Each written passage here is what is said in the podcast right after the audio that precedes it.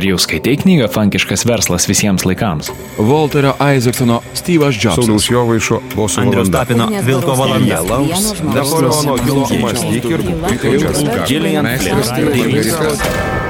Per daug knygų per mažai laiko? Įsijunkite laidą savaitgalio skaitiniai ir susipažinkite su naujausiomis lietuviškomis audio knygomis šeštadieniais 7 val. ryto. Laidą rengia audioteka.lt lietuviškos audio knygos tavo telefone.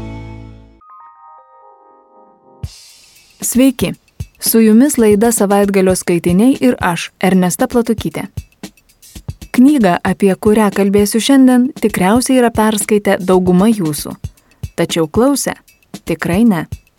Taigi jūsų dėmesiui Antoine de Saint-Exupéry audio knyga Mažasis princas, kurią įgarsino Tomas Ribaitis. Tai klasika tapusi alegorinė pasaka, kuri žavi tiek vaikus, tiek suaugusius. Knygoje apstu išminties, kuri aktuali visais laikais. Pasakoje kalbama apie berniuką iš kitos planetos ir jo tarplanetinės keliones, tačiau tuo pačiu tai išmintingas pasakojimas apie žmogaus lemtį ir gyvenimo prasme. Autorius filosofiškai aprašo ir visiems suprantamą formą perteikia visuomenės problemas ir paviršutinišką suaugusių gyvenimą. Skaitant šią išminties ir paslapčių kupiną knygą galima iš ties susivokti, kas svarbu, o kas tai yra tuštybė ir antrailiai dalykai. Vaikams suvokti, o suaugusiems prisiminti, kaip reikia puoselėti meilę, draugystę ir prisirišimą. Taigi jūsų dėmesio ištrauka iš Antoine de Saint-Exupéry audio knygos Mažasis princas, kurią įgarsino Tomas Ribaitis. Galbūt naujai atrasite šios knygos išminti ir jūs. Taip smulkiai jums pasakoju apie asteroidą B612 ir net pasakiau jo numerį tik dėl suaugusiųjų. Suaugusieji mėgsta skaičius. Kai jiems kalbi apie savo naująjį bičiulį, jie niekada neklausinėja svarbiausių dalykų. Niekad neklausia, koks jo balsas, kokius žaidimus jis mėgsta, ar jis kolekcionuoja drugelius. Jie klausia, kiek jam metų, kiek jis turi brolių, kiek sveria, kiek uždirba jo tėvas ir tik tada tarėsi tą bičiulį pažinę. Jeigu sakai suaugusiems žmonėms, aš mačiau gražų rausvų plytų namą su snapučiais ant palangių ir balandžiais ant stogo, jie niekaip negali įsivaizduoti to namo. Jiems reikia pasakyti, aš mačiau namą už šimtą tūkstančių frankų. Tada jie sušunka. Ak, koks gražus tas namas. Tad jeigu jiems pasakysi, mažasis princas iš tikrųjų buvo, nes jis atrodė žavus, juokėsi ir norėjo avelės, o jei žmogus nori avelės, vadinasi jis yra, jie guštelės pečiais ir palaikys tave vaiku. Tačiau, jeigu jiems pasakysi, jis atsirado iš planetos, kuri vadinasi asteroidas B612, jie patikės ir daugiau nei kirės tau savo klausimais. Tokie jau jie yra. Ir nereikia ant jų pykti. Vaikai turi būti labai atlaidus suaugusiams žmonėms. Tačiau, žinoma, mus, kurie suprantame, kas yra gyvenimas, ima juokas iš tų skaičių. Būčiau mieliau pradėjęs šį pasakojimą kaip stebuklinę pasaką. Būčiau mieliau pradėjęs taip. Kartą buvo mažasis princas, kuris gyveno mažoje planetoje, ne ką didesnėje už jį patį. Ir jam reikėjo draugo. Tiems, kurie supranta, kas yra gyvenimas, tai būtų atrodę panašiau į tiesą. Mat aš nenoriu, kad mano knyga būtų skaitoma nerimtai. Ha, man taip liūdna pasakoti šios prisiminimus. Nuo to laiko, kai mano bičiulis dingo su savo vėle, prabėgo jau šešeri metai. Ir aš mėginu papasakoti apie jį tik todėl, kad jo nepamirščiau. Skaudu pamiršti draugą. Juk ne visiems žmonėms teko laimė turėti draugą. be to aš galiu tapti kaip tie saugėliai, kuriems rūpi tik skaičiai. Todėl ir nusipirkau dėžutę dažų ir pieštukų. Sunku pradėti piešti mano amžiuje, juoba, kad nieko daugiau nesu piešęs, tik smauglį iš vidaus ir iš išorės, kai man buvo šešeri. Žinoma, aš stengsiuosi, kad mano piešiniai išeitų kiek įmanoma tikroviškesni. Bet nesu visiškai tikras, jog man pavyks. Vienas piešinys išeina gerai, o kitas į nieką nepanašus. Kartais suklystu ir dėl ūgio. Štai čia mažasis princas per didelis, o čia per mažas. Suabejoju ir dėl jo drabužių spalvos. Tada bandau piešti ir šiaip ir anaip, kaip išeina. Tikriausiai galiu suklysti ir dėl kai kurių svarbesnių smulkmenų. Bet jūs turėsite man atleisti. Mano bičiulis man niekada nieko neaiškindavo. Gal mane, kad aš panašus į jį? Bet aš, dėje, nesugebu matyti avelių keurai dėžės sienų. Gal jau esu truputį panašus į suaugusius žmonės? Matyt pasenau. Penktas skyrius. Kasdien vis ką nors naujo sužinodavau apie jo planetą, apie tai, kaip jis išvyko iš jos ir kaip keliavo. Tai išplaukdavo po truputėlį iš jo apmąstymų. Trečią dieną išgirdau tragišką istoriją apie baobabus. Ir šį kartą man padėjo avelė. Tarsi rimtų abejonių apniktas, mažasis princas taiga manęs paklausė. Sakyk, ar tiesa, kad avelės ėda krūmus? Taip tiesa. O, tada aš patenkintas. Nesuprantu, kodėl jam taip svarbu, kad avelės ėda krūmus. Bet mažasis princas pridūrė. Vadinasi, jos ėda ir baobabus? Paaiškinau mažajam princui, kad baobabai ne krūmai, o didžiuliai medžiai, didumo sulik bažnyčia. Ir net jeigu jis atsivestų visą bandą dramblių, jie neįstengtų sušlamšti net vieno baobabo. Išgirdęs apie dramblių bandą, mažasis princas nusijokė. Reikėtų juos sustatyti vieną ant kito, bet paskui labai protingai pridūrė. Prieš užaugdami dideli, Baubabai pirmiausia būna maži. Teisybė, bet kodėl tu nori, kad tavo velės nuėstų tuos mažus baubabus? Jis sušuko. Nejau nesupranti. Tarsi viskas būtų savame aišku. Ir aš turėjau pasukti galvą, kad įminčiau šią myslę.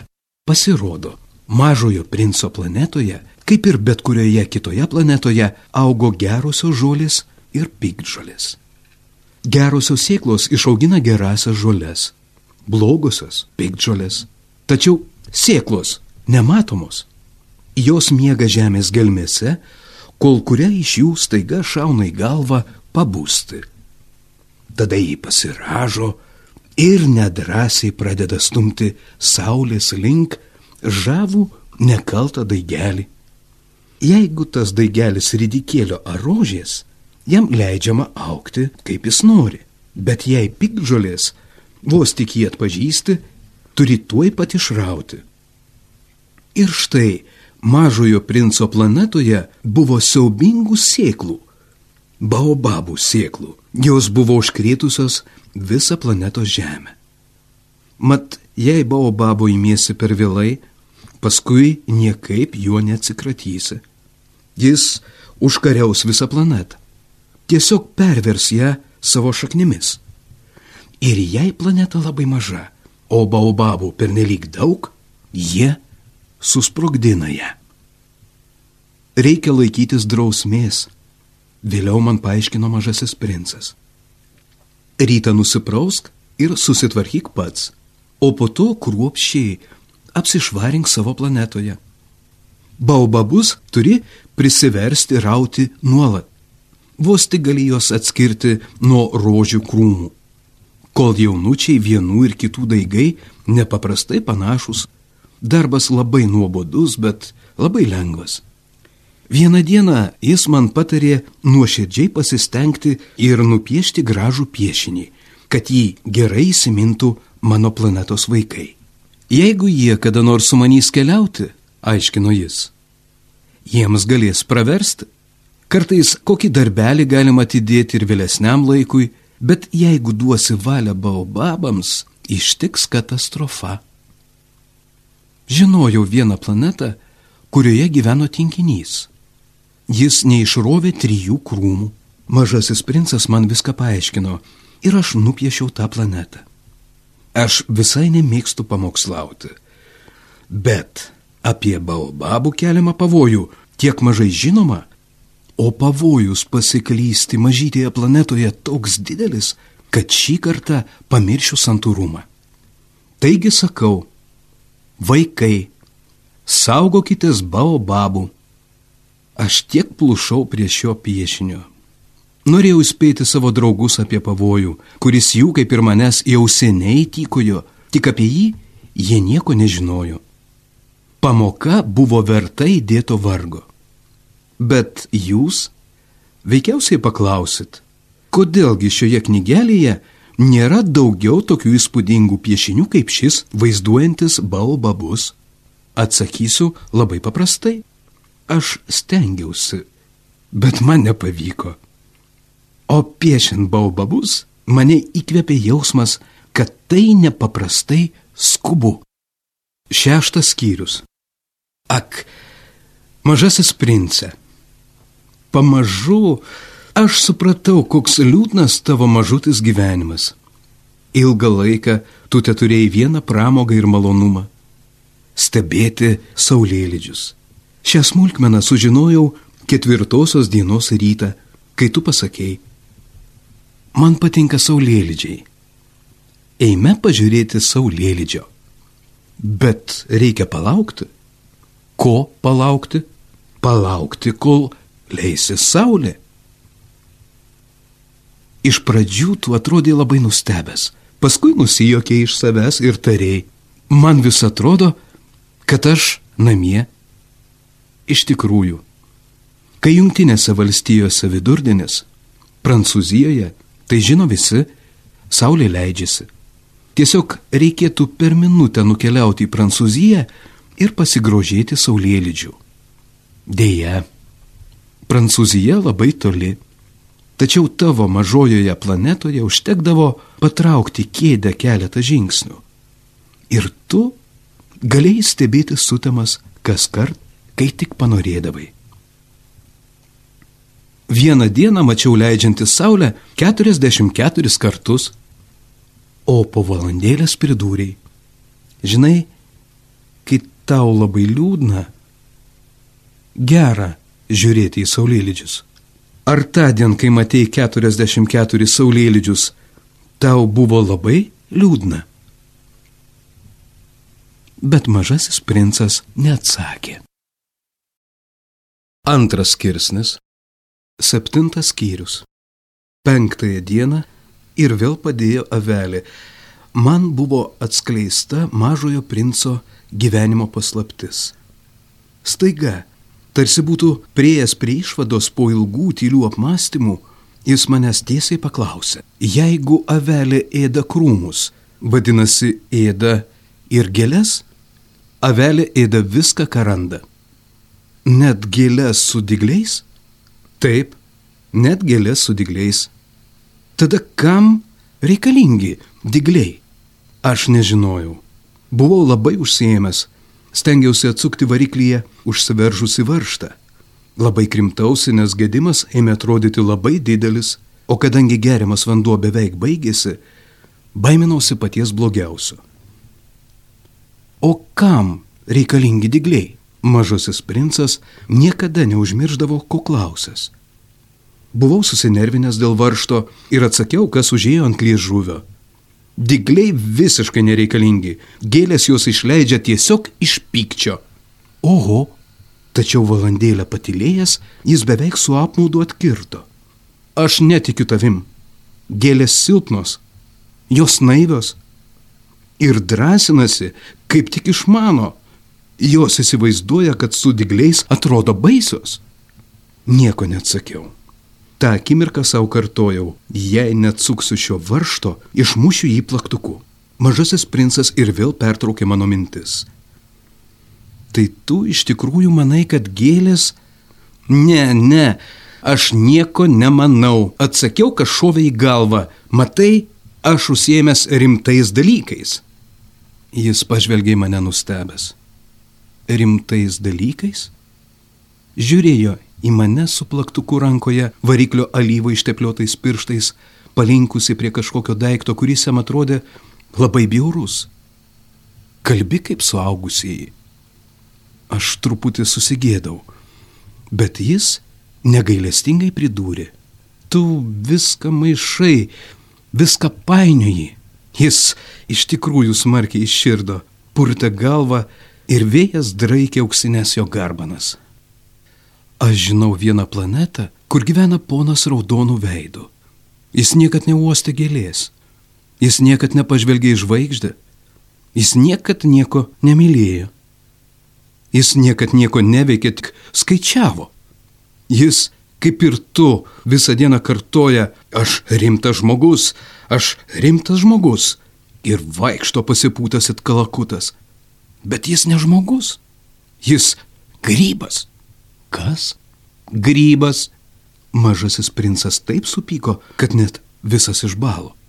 Milijonus metų gėlės augina diglius ir milijonus metų avelės vis tiek ėda gėlės. Tad argi nerimta bandyti suprasti, kodėl jos taip stengiasi išsiauginti diglius, kurie niekam nereikalingi? Argi tau netrodo svarbus avių ir gėlių karas? Argi tai nerimčiau ir nesvarbiau už storo pono raudonų veidų aritmetiką? Ir jeigu aš pažįstu vienintelę gėlę pasaulyje, kuri auga tik mano planetoje ir kurią vieną rytą staiga gali sušlemšti avelę, net nesuvokdama, ką daro, argi tai nesvarbu? Jis išraudo, paskui kalbėjo toliau. Jei kažkas myli gėlę, vienintelę gėlę, augančią tik vienoje iš daugybės milijonų planetų, jis jaučiasi laimingas ir jam daugiau nieko nereikia. Jis žiūri į žvaigždės ir sako, kažkurioje jų gyvena mano gėlė. Tačiau jei avelė suės gėlę, jam atrodys, kad staiga užgeso visos žvaigždės. O tu manai, kad tai nesvarbu? Jis neįstengė pasakyti nieko daugiau, nesumai pratrūko raudoti. Sutemo. Aš numečiau įrankius. Man jau neberūpėjo nei plaktukas, nei varštas, nei troškulys ar mirtis. Vienoje žvaigždėje, planetoje, mano planetoje, vardu Žemė, raudojo mažasis princas ir jį reikėjo paguosti. Paėmiau jį ant rankų ėmiau supuoti, godžiau jį. Tavo mylimai gėliai negrėsia joks pavojus. Aš nupiešiau tavo veliai ansnukį, aš nupiešiau tavo gėliai šarvus, aš nežinojau, ką dar jam pasakyti. Jaučiausi tikras tobrys. Nežinojau, kaip jį pasiekti, kaip jį pasivyti, juk ašarų šalis tokia paslaptinga. Aštuntas skyrius. Labai greitai išmokau geriau pažinti tą gėlę. Mažojo princo planetoje visada augo labai paprastos gėlės. Tik su viena žiedlapio eilute jos neužėmė daug vietos ir niekam netrukdė. Įsiskleisdavo rytą žolėje, o vakare nuvyzdavo. Bet vieną dieną iš sėklos, atpūstos iš nežinia kur, išaugo nauja gėlė ir mažasis princas nenuleido akių nuo daigelio, niekiek nepanašaus į kitus daigelius. Juk tai galėjo būti nauja baobabo rūšis, bet augalėlis greitai liuvėsi stiebėsis aukštyn ir ėmė krauti žiedą. Mažasis princas stebėdamas, kaip brinksta didžiulis pumpuras, nujautė, kad iš jo išeis kažkas stebuklinga Tačiau gėlė vis puošėsi užsidariusi žaliame kambarėlyje, vis rinkosi spalvas. Ji rengėsi lietai, pamažu derino savo žiedlapius. Nenorėjo pasirodyti visą susiglamžiusi, tarsi kokia aguona. Norėjo pasirodyti tik tada, kai visiškai suspindės jos grožis. O taip, ji buvo tikra koketa. Paslaptingas pasirengimas truko dienų dienas. Pagaliau, vieną rytą per patį saulės tekėjimą ji išsiskleidė. Ir toji gražuolė, kuri taip triūsė, nusižiovavo. Ak, aš dar ne visai įsibūdinusi, prašau man atleisti, aš dar visa susivėlusi. Bet mažasis princas neįstengė sulaikyti susižavėjimo ir sušuko, kokia jūs graži. Tikrai? Tyliai atidarė gėlė. Ir gimiau kartu su Saulė. Mažasis princas žinoma suprato, kad gėlė nelabai kukli, bet ji buvo tokia žavi. Manau, metas pusryčiauti, netrukus pridūrė ji. Gal malonėsite pagalvoti ir apie mane? Ir mažasis princas, visiškai sutrikęs, susirado laistytuvą ir palaistė gėlę. Gėlė labai greitai nukamavo princą savo aikštingą tuštybę. Pavyzdžiui, vieną dieną kalbėdama apie savo keturis diklius, ji mažajam princui tarė. Tegu ateina tigrai su savo nagais. Mano planetoje nėra tigrų, paprieštaravo mažasis princas. Bet to tigrai neėda žolės.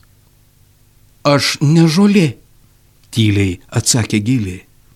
Atleiskit man, aš nebijau tigrų, bet siaubingai nekenčiu skersvėjų. Ar jūs kartais neturėtumėte kokios pertvaros? Jį siaubingai bijo skersvėjų, pagalvojo princas, o augalui tai tikra nelaimė. Ši gėlė iš tiesų labai opi. Vakare uždengsite mane stikliniu gaubtu. Čia pas jūs labai šalta ir labai nepatogu. Ten, iš kur aš atvykau, tačiau ji nebaigė sakinio. Juk ji atsirado čia kaip sėkla ir nieko negalėjo žinoti apie kitus pasaulius. Susigėdusi, kad buvo užklupta, pradedanti taip naiviai meluoti, porą kartų kostelėjo, kad mažasis princas pasijustų kaltas. O pertvara? Norėjau eiti jūs atnešti, bet jūs kalbėjote su manimi. Tada jį sukosėjo smarkiau. Tegu jį pagraužia sąžinė. Nors mažasis princas ir nuoširdžiai pamilo gėlę, greitai ėmė ją abejoti. Į tuščius žodžius jis pažiūrėjo rimtai ir tapo labai nelaimingas.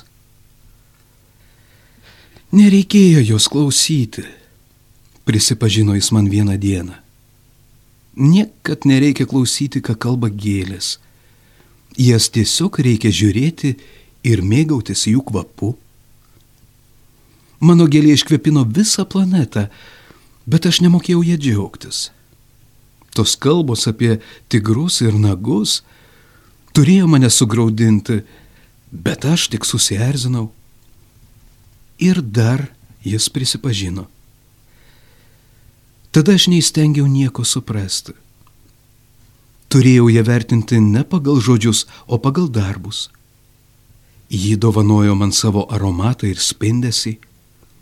Man nereikėjo bėgti nuo jos. Už tų apgailėtinų jos gudrybių turėjau išvelgti slepiamą švelnumą. Gėlės tokios prieštaringos. Bet aš buvau per jaunas ir nemokėjau jos mylėti. Girdėjote ištrauką iš Antoine de Saint-Exupéry audio knygos Mažasis princas. Audio knygą įgarsino Tomas Ribaitis. Visą knygą galite klausytis į savo išmanųjį telefoną parsisiuntę programėlę Audioteka LT. Su jumis buvau aš, Ernesta Platukytė ir laida Savaitgalio skaitiniai. Laidą rengia audioteka.lt lietuviškos audio knygos tavo telefone.